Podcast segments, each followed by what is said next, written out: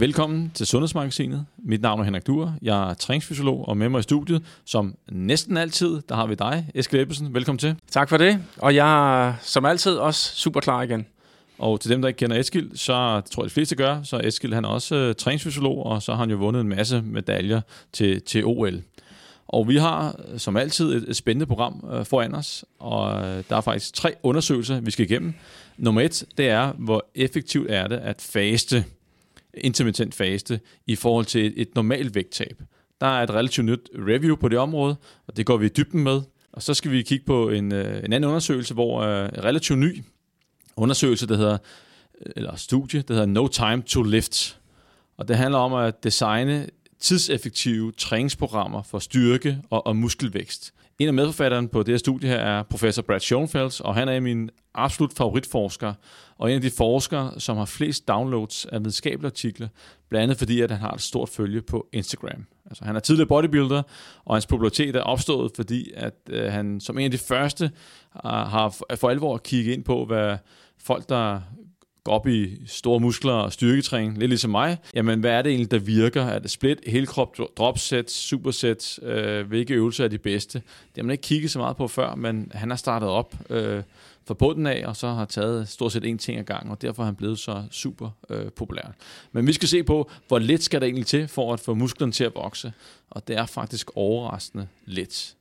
Og det sidste studie, øh, det handler faktisk også om lidt, øh, lidt muskelvækst, der skal vi kigge på nogle, øh, nogle bodybuildere, faktisk konkurrencebodybuildere, og de styrketræner, øh, ben hårdt i, i fire uger, og så er der en gruppe, der får hele 6.000 kalorier, og en anden gruppe får omkring, ja, jeg tror der 4.500, og så skal man se, om det kan betale sig at lægge det der kraftige kalorieoverskud, når man skal opbygge øh, muskelmasse. Og selvom det er noget, der har været praktiseret i, i mange år i fitnessbranchen og bodybuilderbranchen, så er det faktisk det første studie, som rent videnskabeligt har kigget nærmere på, kan det her betale sig? Og det glæder vi os øh, til at gå i dybden med. Og så er der også en, en anden nyhed, her vil kalde en, en lille nyhed øh, fra vores egen verden. Ej, det er faktisk en stor nyhed, Eskild. Vi har jo skrevet en, øh, en, en bog sammen, og den er jo netop udkommet. Og derfor vil jeg lige tillade mig at sige et, et par ord om den helt kort. Altså titlen er Sunde vaner med succes. Og det vi egentlig har gjort, eller forsøgt på, det er at klemme to kandidattitler i idræt, træningsfysiologi og mere end 40 års erfaring ned i den her bog her. Og selvfølgelig kommer vi med koststrategier og træningsprogrammer, men øh, vi kommer også med noget, som vi synes er endnu vigtigere, Eskild. Ja, lige præcis. Øh, hele vores udgangspunkt er jo, øh, det kan godt være, at vi kommer med nogle, nogle optimale tilgange til, til træning og til sundhed, men vi er jo aller, aller mest optaget af, hvad, hvad kan lade sig gøre for den enkelte. Vores tilgang er jo lidt, jamen altså finder du noget, der er øh, 3% mere, et træningsprogram, der er 3% mere effektivt, men hvis det kræver dobbelt så meget af dig at efterleve det, øh, jamen så er det jo sådan i vores øjne, så er det jo ikke et bedre træningsprogram, fordi det handler jo i, i sidste ende om, hvad kan lade sig gøre, hvad er realistisk, hvad er langtidsholdbart. Så vi taler jo rigtig meget om det her med at prøve at finde ud af, øh, hvad er mest optimalt øh, for den enkelte person øh, i forhold til, hvordan øh, den enkeltes hverdag ser ud. Øh, hvad har man af tid, og hvad har man af muligheder for at træne og ændre sin kost. Så det der med at tage udgangspunkt i, hvad man allerede gør, der er selvfølgelig en masse med uh, motivation, men også det, som er rigtig, rigtig vigtigt, som du også var inde på, det der med at få frigjort nogle ressourcer til at lykkes. Det er jo ikke nemt at ændre livsstil. Hvis det var nemt, så har alle folk gjort det. Så, så det er også vigtigt, at, at jo, jo mere man kan kaste ind i det her, øh, den her livsstilsændring, og det at komme i bedre form, øh, jo større succes har man. Det er også et af øh, de vigtige omdrejningspunkter. Lige præcis, at øh, man kan sige, hele bogens første del handler om det her med, øh, hvordan kan du frigøre ressourcer til rent faktisk at lykkes? Altså, hvad er det måske, du skal være lidt dygtigere til at sige nej til? Hvad er det, du skal sortere lidt fra i din dagligdag, hvis du vil lykkes med det nye? Altså, vi har jo en tendens til bare at, at, at lægge ovenpå. Altså være optaget af, hvad er det, vi skal gøre, øh, uden egentlig at rydde lidt op øh, i, i vores liv. Øh, og det er jo sådan både faktisk, øh, vil jeg sige sådan rent praktisk, rigtig meget rent praktisk, men der er jo også en masse ting omkring hvor, hvor vores tanker og vores mentalitet, øh, som vi også kan rydde lidt op i. Ja, det var nok om den bog, Eskild. Nu er det jo et, et år er jo gået, og øh, så i hele 2021, der har har der, vi har været igennem en masse undersøgelser og områder, og vi har hver især udvalgt en eller to højdepunkter. Vi skal også lige kort til fremad mod, hvad, hvad forventer vi, eller hvad håber vi at se mere af i, i 2022. Men jeg vil gerne lige, lige starte øh, med mig, mig selv her. Øh, der var øh, to ting, som jeg synes øh, var lidt en øjenåbner. Den ene var den med øh, allergimedicin og præstationsevne, at det der med, at hvis man tog øh, allergimedicin, så var der risiko for, at det går ud over ens øh, træningsfremgang. Og den sidste, jeg egentlig synes var spændende, øh, og det er jo den, det med planteprotein og træning. Og det er jo den, den evige diskussion, og vi har jo selv slået på trummen for, at øh, animalske proteiner er bedre end planteprotein, men vi faldt over nok den ene, det eneste undersøgelse, hvor man rent faktisk har taget nogen, der styrketræner, delt med to grupper, en ene gruppe for planteprotein, og den anden, de, de får uh, uh, hvad skal vi sige, animalsk protein, og det var utrænede mennesker. Uh, og efter de der 12 uger, så var der ikke nogen forskel. Og de fik den samme proteinmængde. Så det var, det var lidt en øjenåbner. Øhm, men hvad har været en, øh, en øjenåbner for dig, Eskild? Jamen altså, øh, jeg skal lidt tilbage i, i starten af året, hvor vi jo havde den her øh, øh, artikel omkring øh, fysisk aktivitet i fritiden sammenlignet med fysisk aktivitet på, på job. Altså det at, at gå meget og være meget fysisk øh, aktiv på sit job. Og der viste det sig jo øh, faktisk lidt overraskende for mig i hvert fald, at, øh, at den fysisk aktivitet, du havde på jobbet, øh, den så ikke rigtig ud til at rent faktisk gavne din sundhed øh, på samme måde som den fysiske aktivitet, du havde i fritiden. Øh, det er i hvert fald det, når man kigger på det sådan lidt bredt. Øh, og øh, jeg håber da i den grad, at vi kommer dybere ned i, hvad er årsagen til, at, øh, at det ikke skulle være lige så effektivt at være fysisk øh, aktiv på, på, på jobbet. Vi talte lidt om det. Er det måske en eller anden form for, for overtræning? Eller... Så jeg håber, vi bliver meget, meget klogere på, hvad, hvad der er forskellen her. Og øh, var der andre ting? Ja, der var faktisk en anden ting. Det er jo, øh, vi havde den her undersøgelse, hvor man kigger på needs.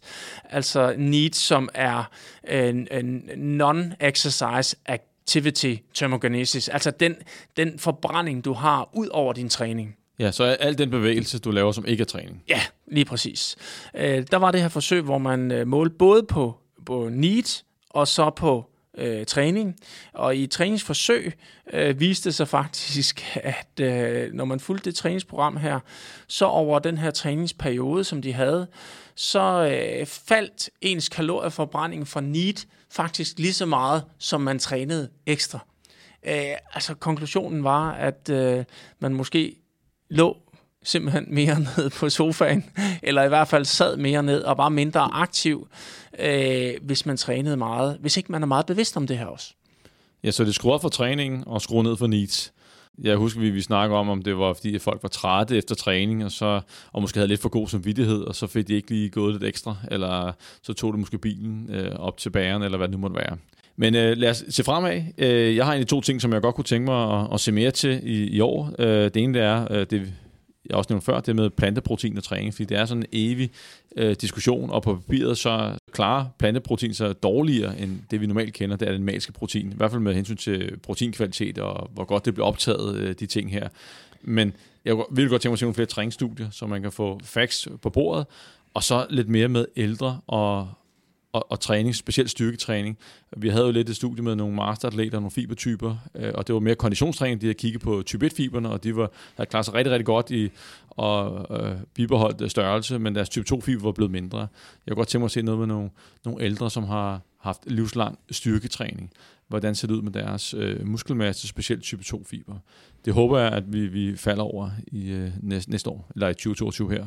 Har du nogle, øh, nogle ting, du godt kunne tænke dig at se mere i, i her i 2022? Nej, jeg, ikke sådan specifikt. Altså jo, jeg har en masse ting, men, øh, men øh, jeg vil ikke gå så specifikt ned, som, som du gør. Altså, jeg, jeg synes, øh, det er spændende at se, jamen, hvordan, kan vi, hvordan kan vi optimere vores træning.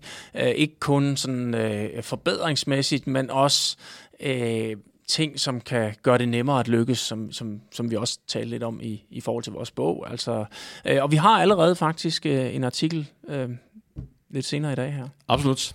Men lad os tage hul på den første. Man kan tabe sig på mange måder, og fundamentet er naturligvis et kalorieunderskud. Men får man et mere effektivt vægttab, hvis man faster, i stedet for bare at gøre det på normal vis, det vil sige, at man er sådan et dagligt øh, kalorieunderskud, sådan jævne ud over hele ugen. Og øh, der er lavet et, et review, som har kigget på studier, som både har haft et, et fastespor, men også den, hvad skal sige, det normale spor, hvor man er i kronisk kalorunderskud, og som set på, hvad har haft øh, størst øh, e-, effekt. Og øh, lige inden vi går videre med selve studiet, Eskild, har, har du prøvet at, at faste? Øh, nej, ikke sådan rigtigt. Øh, forstået på den måde, at øh, Jamen, jeg har jo nogle gange været lidt øh, bagefter på vægttabet. Jeg har jo dyrket en, en konkurrenceidræt, hvor jeg rent faktisk skal vejes ind øh, to timer før, og øh, der har jeg lige måttet sætte en slutspurt ind, som, som gør, at jeg har haft nogle dage, hvor jeg ikke har spist så meget. Øh, det må jeg ærligt nøje. Men, men det har ikke været sådan en, en tanke om at ville faste. Altså, min, min strategi har været det her med at, at reducere øh, energien øh, en lille smule øh, hver dag men, men også sådan lidt, alligevel lidt dynamisk, fordi øh, det her med at prioritere lidt højere energiindtag til de øh, rigtig hårde træninger, og, og måske prioritere lidt, lidt, øh, lidt, lidt ekstra kalorieunderskud til de lette træninger, hvor, hvor konsekvensen måske ikke er så stor af at have lav energiindhold. Ja, jeg har selv prøvet at faste, og det var, det, øh, det var den med, hvor at man øh, har et spisevindue mellem jeg valgte mellem kl. 12 og, og kl. 20, så jeg kunne først få noget at spise kl. 12. Jeg, jeg, jeg prøvede det nogle dage, men det, det var, jeg, jeg kunne godt holde det, men min øh, koncentrationsevne om formiddagen, den var, den var fuldstændig bund. Altså, jeg, jeg tænkte på mad, og hvornår jeg skulle spise, og øh, så, så den droppede jeg faktisk igen. Men jeg ved, at selvfølgelig for andre, der, øh, der fungerer det jo rigtig, rigtig godt. Men for mig, der, der tænker jeg, jeg var ikke helt klar på at, at køre videre med den der. Det ville gå ud over mit, mit, mit arbejde. Og lige vigtigt at slå fast, at når vi så taler de her fastestudier, som de har med i den undersøgelse her, så er det det, vi kalder for intermittent faste. Og den som øh, form, der findes forskellige former, der man kan spise øh, eller lade være med at spise hver anden dag, så man kører en dag med normal indtagelse, så er der en anden dag, hvor man ikke får noget at spise, og så kører man næste dag igen med øh, normale kalorier. Det er en måde, men der er også det, som, den, som de fleste nok benytter, det er, at de har et, et, et spisevindue på 8 timer, og det kunne være mellem klokken 12 og, og klokken 8 om aftenen, og så faster de, og så er det, altså man, som udgangspunkt skal det helst gå minimum 16 timer, inden, øh, hvad skal vi sige, at kroppen kommer i sådan en, øh, ketose-tilstand, hvor at, øh, der bliver produceret flere ketonstoffer, og fedtforbrænding er, er, er høj. Men der er også nogen, der vælger at tage det der spisevindue tidligere på dagen, måske fra kl. 8, og så stopper med at spise øh, kl. 16 om eftermiddagen. Så det er altså den type fase, de har kigget på i studiet. Og helt præcis så har de øh, kigget på studiet, som har en vejhed på minimum øh, 8 uger. Og der er 11 stykker af studier, det er selvfølgelig randomiserede studier, og øh, faktisk er det, er det primært øh, kvinder, som er, er med. Og lige for at skitsere et af studierne, som er med, og, og det er jo det, der er øh, svært, når man skal forsøge at samle op, det er, at øh, intermittent, intermittent faste er ikke bare intermittent faste, der er forskellige måder at gøre det på. Eksempelvis øh, 5-2-kuren er et af dem, de har med. Og så er der øh, et andet studie ud af de 11, hvor at de har kørt en dag, hvor de får normalt kost, og så en anden dag, hvor de øh, faster hele dagen. Og så så holde op mod et, et tilsvarende kalorieunderskud i jævne ud over hele ugen. Og Eskil, resultatet? Jamen, øh, resultatet var, at der var faktisk ikke nogen forskel på øh, nogle af de her tre øh, øh, hvad skal man sige, måder at, at tabe sig på. Øh, om man havde ligesom den her konstante øh, sådan energiunderskud på, på daglig basis, eller man kørte den intermittente metode, eller man kørte den her øh, tids... Øh, øh, periode, hvor, hvor man kun må spise i de her cirka 8 timer. Øh, så, øh, og det var faktisk, øh, faktisk hverken på på vægttab eller på, på sundhedsparametre, som man målte blodtryk og øh, blodlipider og så videre, øh, der, der var faktisk ikke øh, nogen forskel. Og nu siger du mindst 8 uger. Der var jo også nogle af dem, der kører i både 26 uger, og det enkelte af dem var faktisk helt op på et år, hvor man har kigget på de her forskelle. Og det er lang tid. Og så stiller de så nogle spørgsmål i slutningen af undersøgelsen, og, og et af det, tror jeg faktisk, det, det, det første spørgsmål, er det en holdbar strategi at, at faste, Eskild?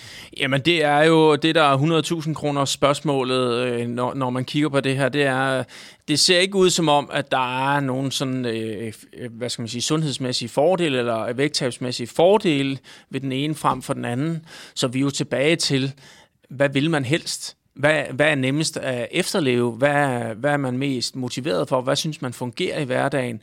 Og det her med at fungere i hverdagen, det er jo ikke kun det at kunne overholde selve, øh, hvad skal man sige, hvis vi skal kalde det kuren. Øh, men, men det er jo, som du også er inde på, det er, altså hvor godt kan man rent faktisk efterleve alle de andre ting, man også skal i løbet af sin hverdag. Altså koncentrere sig på sit arbejde, øh, at man undgår, at ens lunde bliver for kort, så man, øh, så man snærer af, af familie og kollegaer. Øh, kan man holde øh, intensiteten i sin træning øh, og alle de her ting. Så, øh, så det, det er jo måske noget af det, der er, er, er værd at, at have nogle personlige erfaringer med. Øh, jeg tror godt, jeg ved, hvad, hvad, hvad min favorit vil være. Hvad vil din favorit være? Jamen, øh, det, og det er jo den strategi, jeg også selv har efterlevet i, i den tid, hvor jeg dyrkede elitesport, og i de perioder, hvor jeg så skulle reducere min vægt. Jamen, øh, jamen det, er, det har været den her med at øh, prøve at tage kalorieunderskud hen mod aften. Øh, ikke nødvendigvis holde sig til en 8 timers øh, spise øh, vindue, men mere det her med at, at reducere kalorierne om aftenen, hvor som, som man i princippet er sulten øh, øh og, om natten, øh, og, og tager måske den, øh, sover med en lidt højere fedtforbrænding, og, og, og tager sin, hvad skal man sige, sin ineffektive periode om natten, hvor du ikke skal bruge den til noget. Øh, og, og så sørge for at få øh, en, en god gang morgenmad, så du rent faktisk kan performe både mentalt, men også øh, fysisk øh, til træning og holde din intensitet osv. Og, og vi har jo faktisk tidligere øh, her i podcasten har vi også gennemgået artikler, som også viste, at øh, du faktisk med de samme kalorier øh, får et større vægttab, hvis du spiser mere om morgenen øh, og reducerer kalorierne om aftenen, end hvis du gør det omvendt.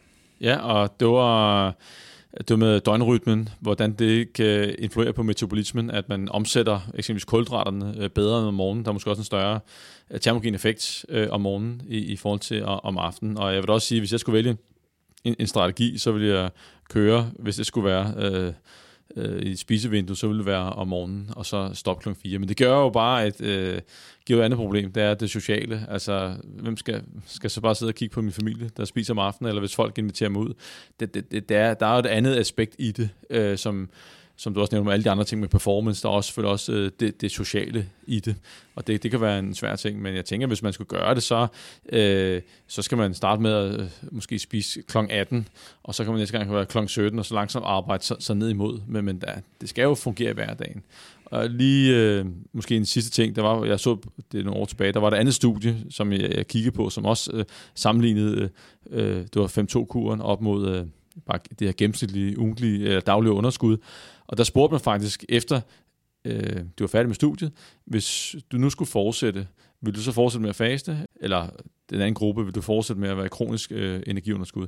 Og der, hvor der var først, øh, størst mulig dropudrate, øh, det var i, i fastegruppen. Der var øh, færre, som havde lyst til at fortsætte. Men der var trods alt nogen, der havde lyst til at fortsætte. Og det var det der med, hvis det virkede for dem, og det fungerede for dem i hverdagen, og de synes, det har en stor effekt, jamen så bliver der jo endelig ved med det. Og det, det skal jo næsten være det, som afgør, om folk vælger øh, den strategi. Eskild, du nok om øh, faste, og, øh, eller intermittent faste og, og vægttab. Vi skal videre til noget med styrketræning. Og denne her artikel, vi skal kigge på, øh, den hed No Time to Lift, og vores, øh, den havde altså sagt, gode ven, Brad Schoenfeldt, jeg har faktisk haft ham inviteret til Danmark for et par år siden, hvor han lavede et, øh, et oplæg. Øh, vi fik ham flået ind fra New York af, business class. Han var fem dage i, i Danmark, og så hjem igen på business class. Det var, lad os bare sige, at øh, det, det løb lige rundt. så, men men øh, helt lavpraktisk, der er ikke nogen, der gider at høre, hvor meget der skal til. Vi vil hellere høre, hvor lidt vi kan slippe afsted med. Og det er nøjagtigt det, øh, Brad og hans øh, kollegaer har fokuseret på i, øh, i dette studie. Når man skal træne styrketræning, så er der en masse parametre, man skal have styr på i programlægningen. Det kunne være øvelsesvalg, antal sæt, gentagelser, øhm, tid mellem sættene, og øh, volumen, hvor mange gange om ugen kan man træne. Der er masser af parametre, og det er det, øh, Brad har kigget på, og hans kollegaer, med hensyn til det mere tidseffektive øjne. Og det gode ved, ved Brad, det er jo, som jeg også nævnte endningsvis, det er jo, at han har startet for en ende af, og begynder at kigge på alle de ting, som vi troede var facts inden for, for styrketræning og programlægning. Dem har han taget op til, til revision, og så har han selv været med på en, en masse studier, som øh, skal modbevise, eftervise, at øh, de her guidelines, som vi følger, de egentlig holder stik. Ja, præcis, altså øh, Brad han har jo, som du siger, været, selv været øh, bodybuilder på elite-niveau, og øh, og jo øh, også fulgt nogle, nogle retningslinjer og nogle regimer øh, på baggrund af, når sådan plejer vi at gøre, sådan har vi altid gjort. Men han har jo gjort det, vi godt kan lide, det er jo at stille spørgsmålstegn ved, hvad, hvad er det optimale? Øh, passer det egentlig, det vi går og tror, øh, og fået testet det af? Og, og det er jo nogle helt lavpraktiske ting, som vi jo i den grad kan bruge til noget. Ja, og en af de ting, som som han har selvfølgelig også taget med i den artikel her, øh, det er, hvor mange gange om ugen øh, skal, skal man løfte. Og vi er jo opdraget med superkompensationsprincippet, øh, der måske skal gå øh, 48-72 timer mellem træningspassene, styrketræningspassene, og så kan man træne igen, og så har man en, en optimal effekt. Men i hvert fald for utrænet og, og, og nybegynder, så er øh, det, der hedder volumen i træningen, Altså, hvor, hvor meget får man løftet? Det kan gøres op på forskellige måder. Det kan måske bare være sæt gange gentagelser øh, for, for en given muskelgruppe. Og hvis man gør det lidt mere kompliceret, så kan man sige sæt gange gentagelser, så gange kilo på, så har man det, til totale load. Men noget af det, han har kigget på i hans øh, forskning, det er, at øh, jamen, så længe volumen er den samme, så er det lidt lige meget, om du træner én gang om ugen, eller om du deler det ud over tre gange. Og det er jo lidt, lidt smart, hvis man skal spare tid, og man kan klare det hele i et hug. Til gengæld skal træningen også være længere. Det er klart, men øh, du sparer jo altså en masse gange frem og tilbage til, til fitnesscenteret. Absolut. Øh, og det er selvfølgelig, ja, det er lidt, lidt hårdere, når man så er der, og man må også gå ud fra, at, at selvfølgelig kan risikoen for skader også være lidt større, når man sådan skal presse sig lidt mere, når man så endelig er der. Men på den anden side, så øh, øh, en af de ting, som øh, han jo kommer frem til, det er, at, øh, at fire sæt faktisk øh, kan være rigeligt til at give øh, rigtig god fremgang. Altså fire sæt med de her sådan 6 til 15 RM repetition maximum. Altså repetition maximum, det er det, du maksimalt kan, øh, de antal gentagelser, du maksimalt kan tage øh, med, med et vist antal kilo.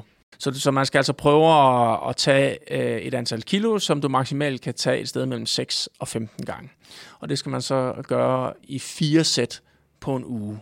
Øh, og ja, det, det kan man jo sige, det, det kan man jo, øh, hvis man sådan lige har grundtræning i orden, så kan man jo sagtens gøre det på, på øh, en træning om ugen. Det kan man sagtens, og og det viser også, at det, det primært, hvad skal vi sige, måske er, er utrænet, fordi hvis man tager en, en træning, og man tager øh, 5-6 øvelser, 4 sæt, så er vi nok op på en, en teams træning. Selvfølgelig kan man supersætte lidt, det kommer vi ind på lidt senere, og så kan man spare lidt tid der.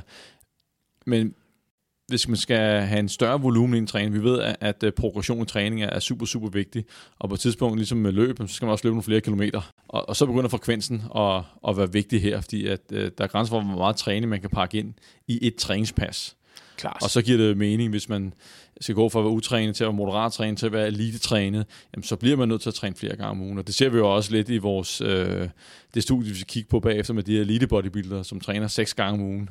Det, det, det kan man ikke presse ind i et træningspas. Nej, det kan man øh, bestemt ikke. Øh, og øh, man kan sige, det her det er jo også sådan for at, at sige, at allerede fra fire sæt, så begynder du altså at få øh, en, en øh, ja, en signifikant forbedring, som kan ses. Men han anbefaler jo faktisk op til, til 10 sæt, øh, for at, ligesom at få den, den, den maksimale øh, effekt. Så, så skal du op og have 10 sæt. Og, og jeg ved jo, øh, der er også nogle undersøgelser tidligere, som har vist, at omkring 9 sæt for nybegynder eller, eller let trænet, jamen øh, så får man faktisk ikke ud af meget, meget mere ud af at tage, tage flere sæt. Så får du ligesom den maksimale muskeltilvækst. Jeg tror, man bliver overrasket over, når man kigger på, på forskning, også for relativt veltrænet, hvor loftet egentlig går for, hvornår får man altså det maksimale ud af det øh, og overdreven træning. Ja, man har jo set for nogle øh, bodybuildere, som selvfølgelig også øh, tager anabol derude, at de kan jo selvfølgelig klare langt større træningsmængder. Hvis man følger nogle af deres programmer og hvad de anbefaler, øh, så er det jo ikke for øh, almindelige mennesker. Så med, med ni sæt om ugen per muskelgruppe, og man fortsætter med det øh, over en lang periode, så får man jo ganske glimrende fremskridt, og skal nok få en, en, en hederlig muskelmasse og ikke mindst øh, styrkefremgang. Men øh, lige præcis, men, men de her sådan 6-15 RM er, er jo ligesom det, der er konkluderet som vinduet for at få maksimal muskeltilvækst. Øhm, går man lavere, en, en, en 6 RM, det vil sige, at man går højere op i vægt, så man, så man måske kun kan tage 3, 4 eller 5 gange, øh, jamen så får du øh, den neurale tilpasning, du får en, en styrketilvækst, men du får bare ikke lige så høj øh, muskeltilvækst, som hvis du tager flere gentagelser, altså går lidt ned i vægt, man kan tage flere gentagelser. Øh, det, det er måske stadigvæk overraskende for, for nogen. Ja, der er helt sikkert nogen, der tænker, at øh, jo tungere du løfter, jo større muskler får du. Ja. Og der er primært, som du selv siger, øh, en, primært fokus på træning af nervesystemet. Og, hvis man, og, og volumen er jo stadigvæk vigtig for, altså hvor mange kilo, hvor mange øh, gentagelser man, man tager øh, per, per muskelgruppe. Og det, det er jo svært, og det kommer til at tage rigtig, rigtig lang tid, hvis man skal tage 10 sæt med 3 minutters pause, og tre gentagelser for at kompensere for, at det, det er tungere, og man tager færre gentagelser, så bliver du meget, meget lang træningspas. Og i praksis for mange kan du ikke lade sig gøre, og det er jo ikke specielt tidseffektivt. Og det er det, man skal huske, specielt når man kommer derned, der, så skal pausen være, være lang mellem sættene, så man er, er frisk øh, mellem, øh, mellem sættene. Og en, en, anden, en anden ting, som du også nævnte, det var det der med at tage øh, flere gentagelser, du sagde plus 15 gentagelser. Det kan man også øh, til en vis grænse øh, gøre, og det vil også give, give muskelvækst. Men der er et tidsaspekt i det, hvis man kigger tidseffektivt. Øh, og, og det at tage 30 gentagelser til udmeldelse, det er, det er jo også mega, mega hårdt. Det er, det er jo hårdt at køre 30 gentagelser til udmattelse, end at køre 10 gentagelser til udmattelse. Det kræver simpelthen mere mental energi, øh, det kræver længere tid, det kræver, øh, som du siger, længere restitution. Øh, så han skriver i parentes, at, at det kan faktisk være lige så effektivt at, at køre for eksempel 30 RM, hvis det er for, for muskeltilvæksten. Det er bare langt hårdere og kræver mere tid. Og det, som hele den her øh, artikel også er bygget op omkring, det er, hvordan skal du træne, hvis du gerne vil have størst mulig effekt i forhold til den tid, du putter i det. Og der er han altså, altså hvis, han, hvis vi skal skære det helt til benet, jamen så anbefaler han fire sæt om ugen per muskelgruppe, øh, 6 til 15 RM. Altså eksempelvis øh, øh, fire sæt med øh, øh, 8 RM, men det kunne også være øh, den her model, hvor man siger, at man starter med øh, 15 RM, putter, øh, putter 5 kilo på, så kan man kun tage 10, 5 kilo mere, så kan man kun tage 7, øh, og så et sidste sæt øh, måske igen med, øh, med det samme antal kilo, hvor man så kun kan tage 6. Altså så, så, øh, så får man ligesom hele det her range. Og, øhm, og så er han faktisk nede og snakke om, jamen der er jo i, i, i virkeligheden, hvis du sådan skal skære det helt ned, så kan du nøjes med tre øvelser, hvis du gerne vil have muskeltilvækst. Det er en øh, benspark. Benpres. Benpres. Og så har du et, et, et, et træk med armene og skub med armene. Ja. Så er du altså... og det, som øh, er vigtigt her, det er også, man sige, det, er jo, det du nævner, det er jo tidseffektive øvelser. Det er, at du har en, en øvelse, som bevæger Øh, der er gang i flere led på en gang. Det vil sige, at hvis du er gang i en presøvelse, så har du albuled, og du har skulderled. Det sker faktisk også mellem skulderbladene, noget mellem skulderbladene. Så er det jo øh, både øh, triceps øh, og omkring albuled, og så er der forsiden af skulderen og en stor brystmuskel øh, omkring skulderledet. Og så er der noget omkring øh, øh, skulderbladet. Så, så man slår mange fluer med et smæk. Og øh, specielt også en benøvelse med, med, med benpres, i stedet for at øh, lave lunges eller step-ups, øh, så har du to ben i gang øh, øh, på samme tid hvis du skal lave lunges eller step-ups, så, så skal du have måske 15 på det ene ben og 15 på det andet ben, så har du allerede brugt dobbelt så lang tid. Så det, de kalder flerledsøvelser og såkaldte bilaterale øvelser, det er jo de, de mest øh, tidseffektive. Ja, øh, og, og nu skal vi huske, at øh, det han interesserer sig for her, det er jo også muskelvolumen. Altså vi taler jo ikke funktionalitet øh, i hverdagen, fordi der, der kan det måske give meget god mening med nogle af de øvelser, du nævner som alternativ, men hvis vi tænker sådan på det at holde en høj muskelmasse, øh, jamen så giver det god mening at lave de her sådan dobbeltsidige øvelser. Øh, han er også inde på øh, øh en, måske det centrale del af, af, af den her artikel, det er jo det her med øh, øh, supersæt, og dropset. Det kan være, at vi lige skal forklare det. Altså superset er jo, at, øh, at du simpelthen skifter mellem to øvelser, og så holder kortere pauser, end du ellers ville. Altså i stedet for, at du gør din benpres færdig med din øh, tre eller fire sæt, som du har, så øh, laver du et sæt benpres, og så går du så over og laver øh, for eksempel øh, træk til bryst. Øh, og så går du så tilbage, så du får øh, benene hviler, mens du bruger armene, øh, og der sparer du altså en masse tid her også. Og det øh, konkluderer han jo, det er faktisk lige så effektivt. Ja, og man kan sige, at altså, der er jo to ting, der tager tid i, i sådan en styrketræning, det er jo en ting at, at tage øh, gentagelserne, det tager tid, og så er det pauserne. Ja. Og, og, og det er jo det super smarte med, med supersets, det er jo, at man kan spare noget, noget, noget pause her. Og der er også rigtig mange, øh, der ligger på gulvet, og så kører de lige mave, og så vender de sig om, og så, så kører den samtidig. Og det er jo også et, et, et, et, et superset. Så det er super tidseffektivt. Men selvfølgelig, hvis det er, at øh, man står i øh, og skal squatte, og det er en teknisk krævende øvelse, og det er rigtig tungt, så skal man ikke øh, gå ind i squatten med, med høj puls, fordi så er der en større risiko for, at, man, at det ikke går helt efter, efter planen. Øh, så i nogle af de øvelser her, specielt i maskiner, hvor det er mere kontrolleret, der, der, øh, der, hvad hedder det, der, der er det måske nemmere at lave de der øh, supersets. Ja, præcis. Øh, der er nogle anbefalinger her, som, som hører sig til, som ikke hører sig til de, de sådan teknisk øh, sværeste øvelser, altså eksempelvis øh, squat. Øhm, men så er der så det her øh, drop set, øh, som, som går ud på, at øh, man starter eksempelvis med øh, 10 RM, kører 10 gentagelser i bænkpres, så øh, piller man lynhurtigt lige 5 kilo af, så fortsætter man. Og så kan man tage nogle flere gentagelser. Man var egentlig udtrættet, men så kan man tage nogle flere, og så tager man måske lige 5 kilo af igen og prøver at køre sig musklen endnu mere til udmattelse. Og, øh, og det er jo i den grad også tidsbesparende. Øh, men jeg vil også sige, at jeg har prøvet det. Øh, det er jo også meget hårdt. Det er meget hårdt, meget Men øh, han konkluderer også, at det er altså lige så effektivt, men, men måske endda endnu mere tidsparende. Det må man sige. Øh, I, i dag der øh, praktiserer jeg selv øh, supersets øh, inden en travl hverdag. Altså mit mål er ikke at, at blive meget større og meget stærkere. Det er egentlig bare at holde formen, og der kommer man virkelig langt tidsmæssigt med ved at supersætte. Det kræver selvfølgelig, at man har pladsen og tiden. Jeg træner i et fitnesscenter, hvor at der, øh, der er ikke, øh, det er ikke voldsomt crowded, øh, og så kan man måske have tage to maskiner eller to øh, andre øvelser lige ved siden af hinanden, og så, og så fyre træning af. Ja. Og øh, en anden ting, som man, han også lige kort nævner, det er jo, at øh, i stedet for at, at sige, okay, du skal træne det hele øh, en time om ugen, så kommer du gennem det der meget tidseffektive program. Man kunne måske også øh, dele det op hvis man er ude og lave en løbetur, og så kan man jo sige, jamen, så tager jeg to øvelser lige efter løbeturen, eller cykelturen, således at man får, får spredt det ud. Hvis man er svært ved at overskue en hel time med styrketræning, jamen, så kan man dele det op i, i, i små bidder. Det anbefaler jeg altid til, specielt nogle gange, når folk skal i gang med styrketræning, jeg har ikke gjort det før, jamen, start med en eller to øvelser, og så få det gjort, i stedet for at det kan være svært at overskue, at man, øh, at man skal i gang med øh, øh, et større program. Og det er så typisk hjemmetræning, fordi man tager ikke ned i fitnesscenteret, og så laver, øh, hvad skal vi sige, øh, to øvelser, og så tager hjem igen. Så kan du også være efter en spændingstime eller noget holdtræning, og så får man bygget på på den måde. Altså personligt er jeg også selv til øh, lidt større hyppighed, end, end det at køre sig helt ud øh, på den enkelte styrketræning, fordi at øh, altså undgå at blive alt for øm øh, på den enkelte træning, øh, og så er det jo typisk en kombination med, med konditionstræning, hvor jeg også gerne vil have noget krudt og, og fyre af der. Så, så det at tage øh, øh, et par sæt øh, i de enkelte øvelser, gør, at jeg stadigvæk kan holde en høj intensitet øh, i, i konditionstræningen.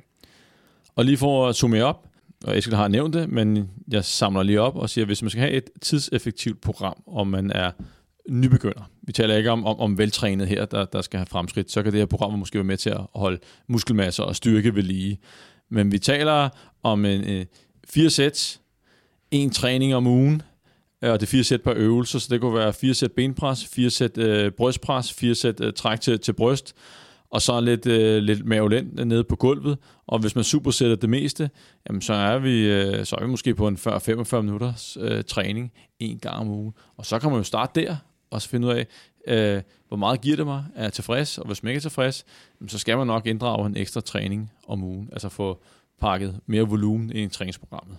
Godt. Vi skal til vores aller sidste undersøgelse. Hvis man skal skabe optimale betingelser for muskelvækst, så skal man have nok at spise.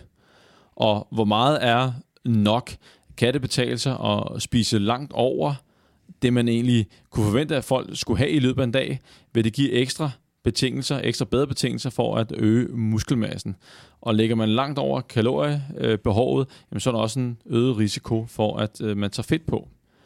Og i den undersøgelse her, der, som er den første af sin slags på den her målgruppe her, de kalder det et, øh, et pilotstudie, og det er fordi, at der ikke er, er så mange deltagere med. Øh, og det er også en rigtig, rigtig svær målgruppe. Det er konkurrence bodybuildere. Og øh, der har man bedt dem i deres off-season om at lade være med at tage anabolsteroider i tre måneder. det kan være, det var derfor, det ikke fik så mange øh, forsøgspersoner. Men man har taget dem ud øh, en måned, og så har man øh, givet en gruppe, øh, skal vi sige, en mængde kalorier, og en anden gruppe langt flere kalorier. Det kommer jeg tilbage til. Og så har det kørt den samme øh, træning. Og så ser man så over de fire uger, som forsøget varede, øh, jamen, hvem havde fået den største opbygning af, af muskelmasse. Og øh, lad mig lige slå fast med det samme. Man kan også tage muskelmasse på, selvom man er i kalorieunderskud. Øh, så det er ikke sådan, at, at man skal være i kalorieoverskud, eller have så mange kalorier som muligt, for at tage muskelmasse på.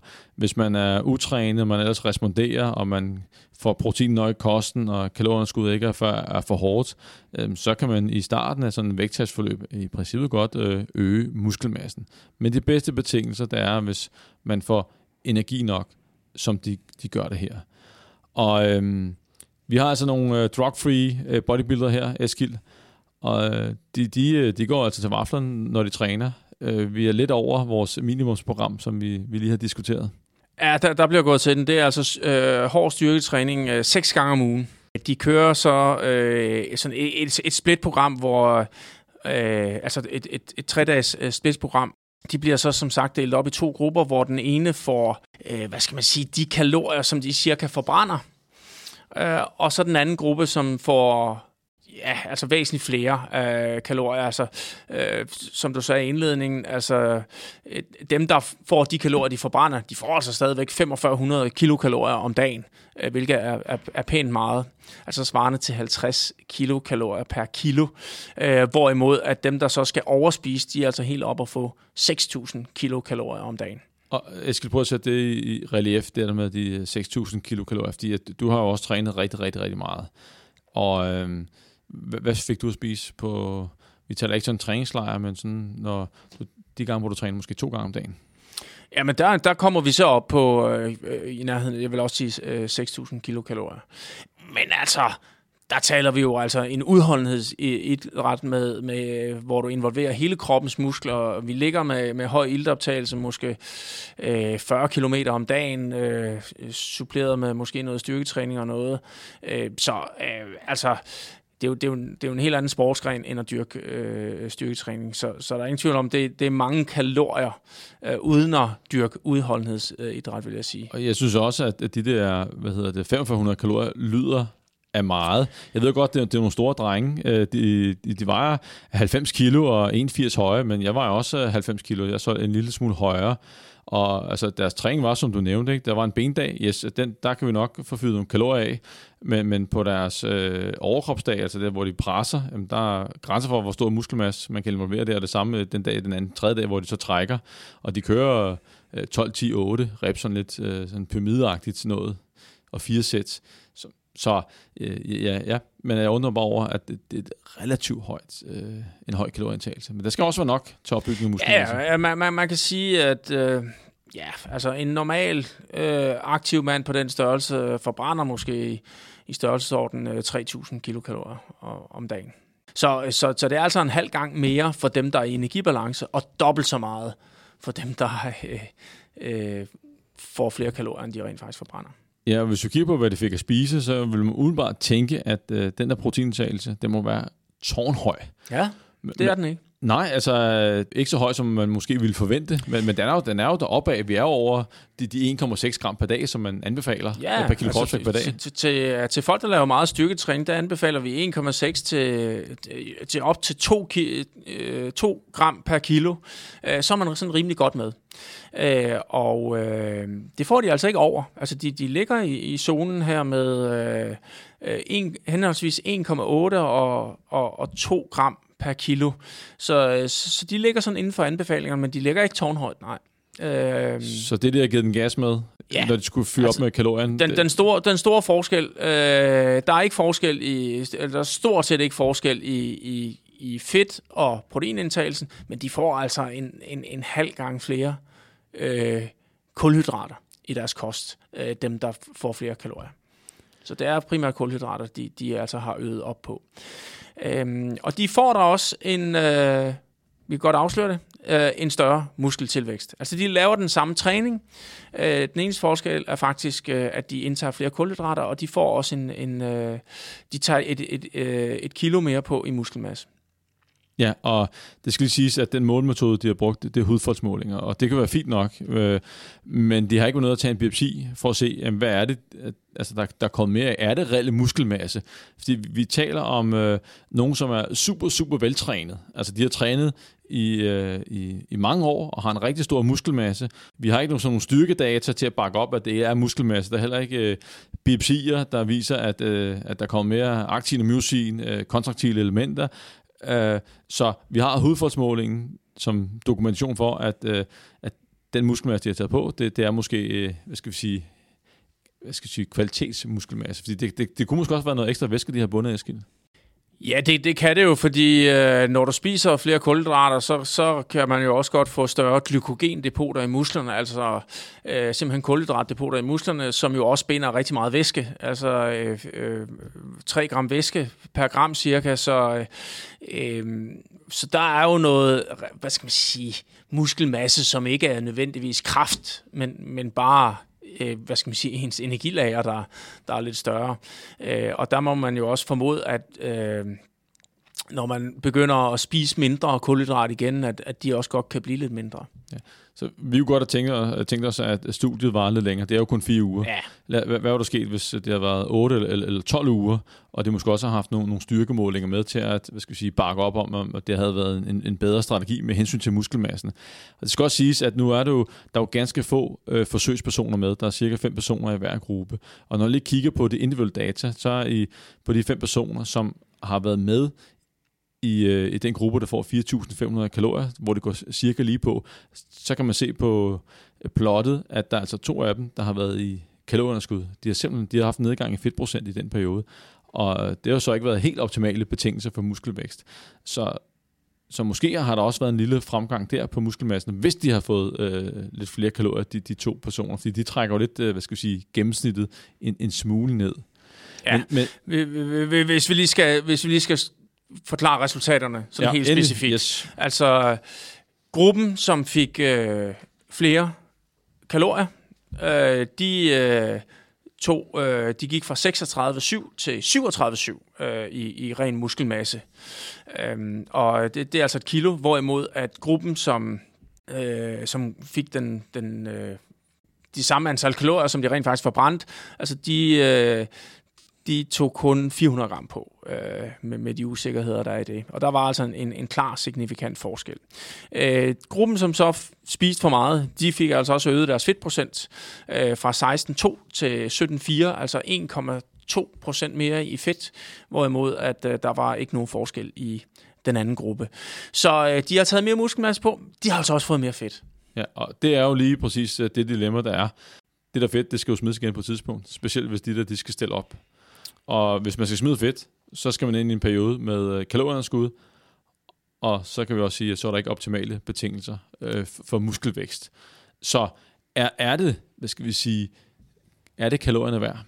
Ja, altså øh, hvis vi lige skal springe tilbage og sige, at den, den, den normale tilgang hos bodybuilder er jo netop, at de tager en, en periode, hvor de spiser ekstra meget for at, at skabe optimale betingelser for muskelvækst. Øh, og så er det, de skralder sig ned i fedtprocent på, en, øh, på et tidspunkt, hvor det jo også koster lidt muskelmasse. Øh, men spørgsmålet er jo, hvis de ligger øh, tættere på deres kaloriebalance, øh, kan de så... Øh, øh, så tager de ikke lige så meget på muskelvækst, men til gengæld er de heller ikke afhængige af at skulle tabe så meget. Ja, og jeg kan huske, øh, den år tilbage, der øh, Fitness Institute, der hvor jeg var med til at starte, og jeg har også underviser, jeg underviser stadigvæk. Vi, øh, vi lavede en lille forsøg sammen med Københavns Universitet, hvor vi fulgte nogle bikini fitness piger. Der var også nogle body fitness. Der var 24 stykker, så vi startede 10 måneder ude med at DEXA-scanne Vi trænede dem ikke, vi fulgte dem bare. De havde deres egen træner, så vi fulgte dem på DEXA-scanneren, muskelmasse, fedtmasse, så registrerede vi deres øh, kost og, og, og, og, hvordan de trænede. Og så øh, før de begynder at korte ned i, i fedtprocent, der lavede vi ny DEXA-scanning, og så var der en uge før konkurrencen. Og øhm, jeg vil sige sådan her, at øh, der var eksempelvis øh, et par stykker, der var nogle stykker, som benyttede sig af, af strategien med at øh, bare køre på med kalorierne. Øh, ulempen var bare, at øh, den kvinde her, en, en af deltagerne, hun tog et kilo muskelmasse på, men også 4 kilo fedt ekstra. Og hvis du så har en, en periode på 4 måneder til at komme ned i fedtprocent, så er der altså lige et kilo per måned, du skal ned med. Læs en langt hårdere diætperiode, og øh, kraftige kalorunderskud, endnu dårligere betingelser øh, for, for muskelvækst. Og det, der egentlig var interessant i den undersøgelse, det var, at alle dem, der byggede øh, noget op i, øh, i vores lille studie her, det er ikke data, der blev publiceret på noget tidspunkt, det har været udelukkende til intern brug, men det vi kunne se, det var, at det, det byggede op i opbygningsfasen, det tabte faktisk i, i kot. Øh, så der var ikke nogen, der over de 10 uger, eller 10 måneder, som egentlig havde en reel opbygning af, af muskelmasse, når man kigger bare fra start øh, til slut. Øh, vi havde også nogle to deltagere, kan jeg huske, som øh, egentlig øgede muskelmassen med 2-3 kilo i, øh, i den periode, hvor det opbyggede muskelmasse. Og, og de havde ikke nogen, hvad skal vi sige, øgning af fedtprocenten. Ikke nævneværdigt. Så de havde kørt lige på, men de havde fået, i hvert fald fået kalorier nok til, at øh, de kunne øge muskelmassen, og det er måske en, en, en, en bedre øh, strategi, tænker jeg. Ja, yeah. uh, det kan man i hvert fald sige, hvis vi endelig skal give sådan en kritik af, af undersøgelsen. Nu er det jo bare et pil- pilotforsøg, ja. men det vi så også skal sige på en anden måde, det er, at det, det der kunne være endnu mere interessant at undersøge, uh, det er jo netop det der med, jamen, hvad sker der også i den efterfølgende periode, hvor de så skal skralde sig ned og være... Uh, have en, en meget, meget lav fedtprocent. Hvad, hvad sker der så med deres muskelmasse, hvis man kommer fra en, en højere fedtprocent?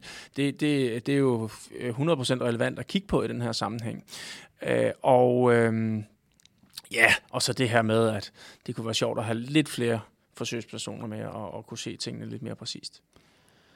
Og hvis man vil kaste sig ud i og hvad skal vi sige, bolke op, øh, man vil gå i, i pænt kalorieplus, så vil jeg anbefale, at man holder øje med fedtprocenten, øh, sådan rimelig stramt, sådan så at den ikke stikker af, fordi jeg kan ikke på nogen måde forestille mig, at det at have for meget fedt at slås med, og når man skal ned i fedtprocent igen, at det kan, det kan være nogen fordel. Men, men det ved vi jo ikke noget om, fordi at vi har ikke, som du selv siger, man ikke kigget på. Det vil vi godt tænke os i, i fremtiden, at der kommer lidt, lidt flere af, af de her studier her, men nu er der også en, en meget speciel målgruppe, det er øh, elite øh, bodybuildere. Og, øh, og er, selvfølgelig er der mange fitnessfolk, der også kunne være interesseret, men, men sådan rent, øh, hvis man skulle lave sådan en studie, hvem skulle så sponsorere det? Hvem har en økonomisk interesse i at, at finansiere sådan nogle studier? Øh, det, det, det, det kan jo svært at måske formidle til, til den del her. Derfor er det super interessant, når der endelig dukker sådan en studie op her. Ja, det, det er noget, vi ikke ved særlig meget om. Der bliver gættet på det. Men nogle gange, så skal vi jo også lære af, af eliten, om man så må sige, øh, til, til almindelige råd. Og øh, det må man jo også sige, at øh, mange af de råd, som vi har til øh, eliteidrætsudøvere i gamle dage, jamen, de bliver jo i dag brugt af almindelige øh, motionister, som, som får fantastiske resultater i forhold til den tid og energi, de putter i det. Yes. Eskild, det var alt for den udsendelse. Jeg vil sige tusind tak, fordi at du endnu en gang gad at dukke op. Selv tak. Og tusind tak til alle jer, der lyttede med. Vi høres ved. Hej.